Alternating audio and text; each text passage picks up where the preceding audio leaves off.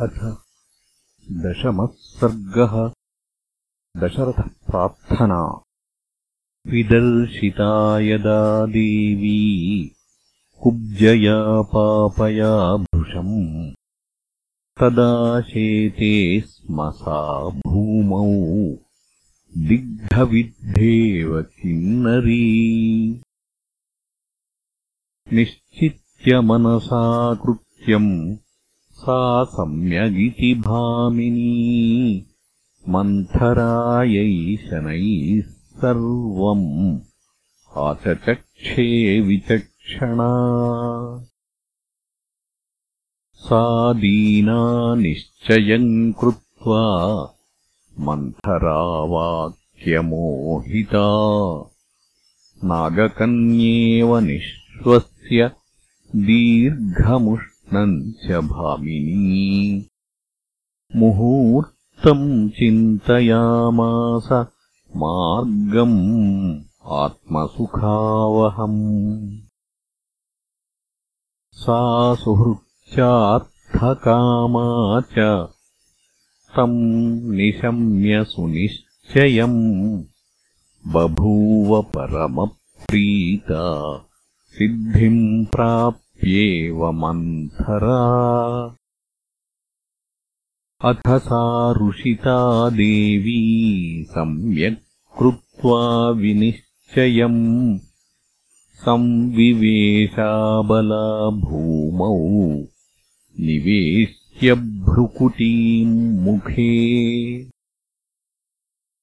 ततश्चित् चित्राणि माल्यानि दिव्यान्याभरणानि च अपविद्धानि कैकेय्या तानि भूमिम् प्रपेदिरे। तया तान्यपविद्धानि माल्यान्याभरणानि च अशोभयन्तवसुधाम् नक्षत्र त्राणि यथा नभः।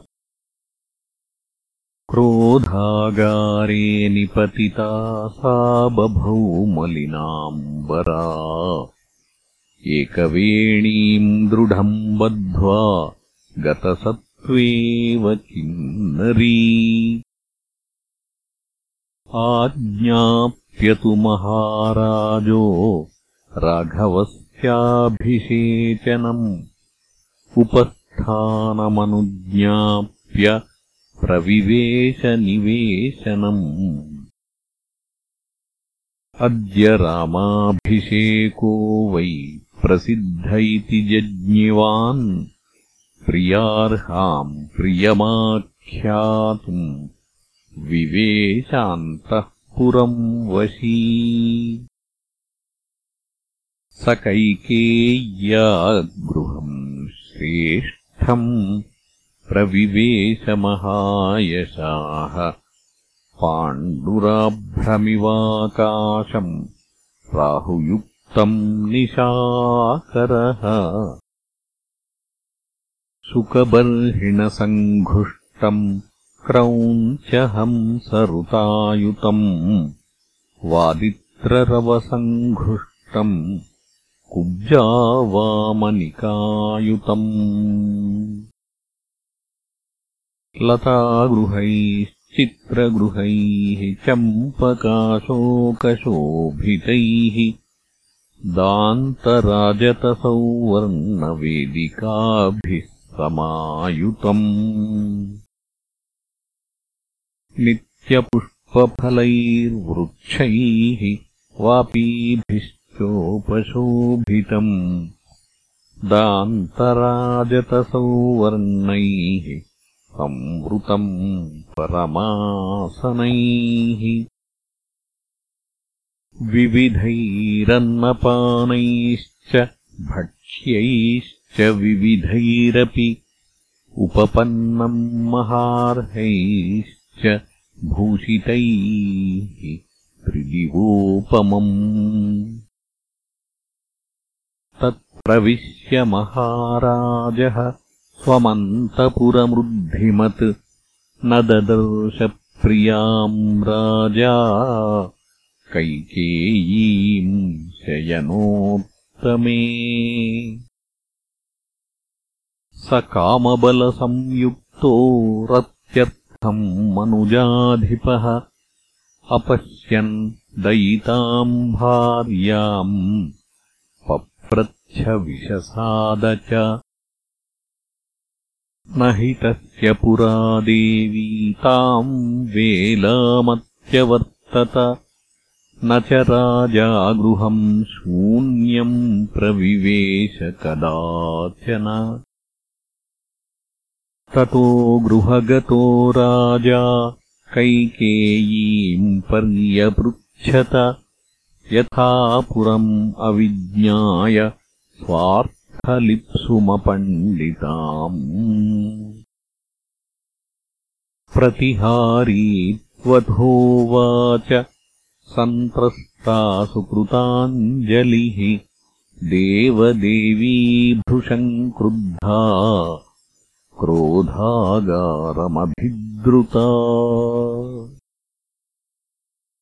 प्रतिहार्यावच श्रुत्वा राजा परमदुर्मनाः विशसादपुनर्भूयो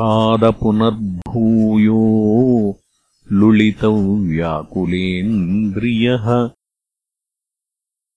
तत्र ताम् पतिताम् भूमौ शयानाम् अतथोचिताम् प्रतप्त इव दुःखेन सोपश्यज्जगतीपतिः स वृद्धस्तरुणीम् भार्याम् प्राणेभ्योऽपि गरीयसीम् अपापः पापसङ्कल्पाम् ददर्शधरणीतले।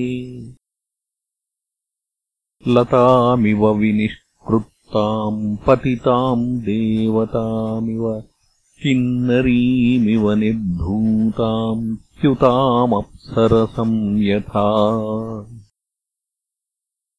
मायामिव परिभ्रष्टाम् हरिणीमिव संयताम् करेणुमिव दिग्धेन विद्धाम् मृगयुनावने। महागज इवारण्ये स्नेहात्परिममर्शताम् परिमृह्य च पाणिभ्याम् अभिसन्त्रस्तचेतनः। कामी कमलपत्राक्षीम् उवाच वनितामिदम्। न तेऽहमभिजानामि क्रोधम् आत्मनि संश्रितम् देवि केनाभिशप्तासि केन वासि विमानिता। यदिदम् मम दुःखाय शेषे कल्याणि पांसुषु भूमौ शेषे किमर्थम् त्वम् मयि कल्याणचेतसि। भूतोपहतचित्तेव मम चित्तप्रमाथिनी सन्ति मे कुशला वैद्यास्त्वभितुष्टाश्च सर्वशः। सुखिताम् त्वाम् करिष्यन्ति व्याधिम् आचक्ष्वभामिनि।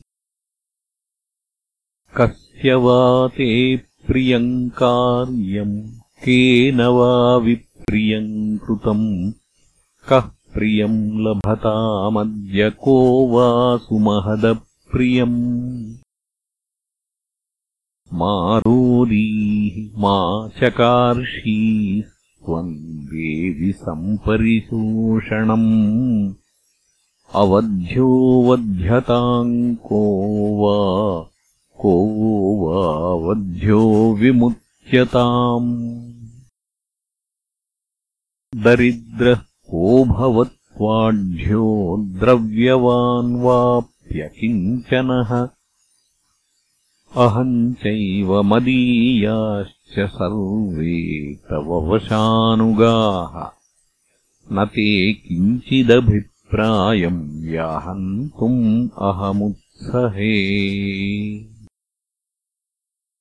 आत्मनो जीवितेनापि ब्रूहि यन्मनसेच्छसि बलमात्मनि जानन्ती न माम् शङ्कितुमर्हसि। करिष्यामि तव प्रीतिम् सुकृतेनापि ते शपे यावदावर्तते चक्रम् तावतीमेव सुन्धरा प्राचीनाः सिन्धुसौवीराः सौराष्ट्रा दक्षिणापथाः वङ्गाङ्गमगधामध्याः समुद्धाः काशिकोसलाः। तत्र जातम् बहुद्रव्यम् धनधान्यमजादिकम्। ततो वृणीष्वकैकेयि यद्यत् त्वम् मनसेच्छसि किमायासेन ते भीरु उत्तिष्ठोत्तिष्ठशोभने तत्त्वम् मे ब्रूहि कैकेयि यतस्ते भयमागतम् तत्ते व्यपनयिष्यामि नीहारमिव रश्मिवान् तथोक्ता सा समाश्वस्ता वक्तु कामा तदप्रियम् परिपीडयितुम् भूयो भर्तारमुपचक्रमे। इत्यार्षे श्रीमद् रामायणे वाल्मीकीये आदिकाव्ये अयोध्याकाण्डे दशमः सर्गः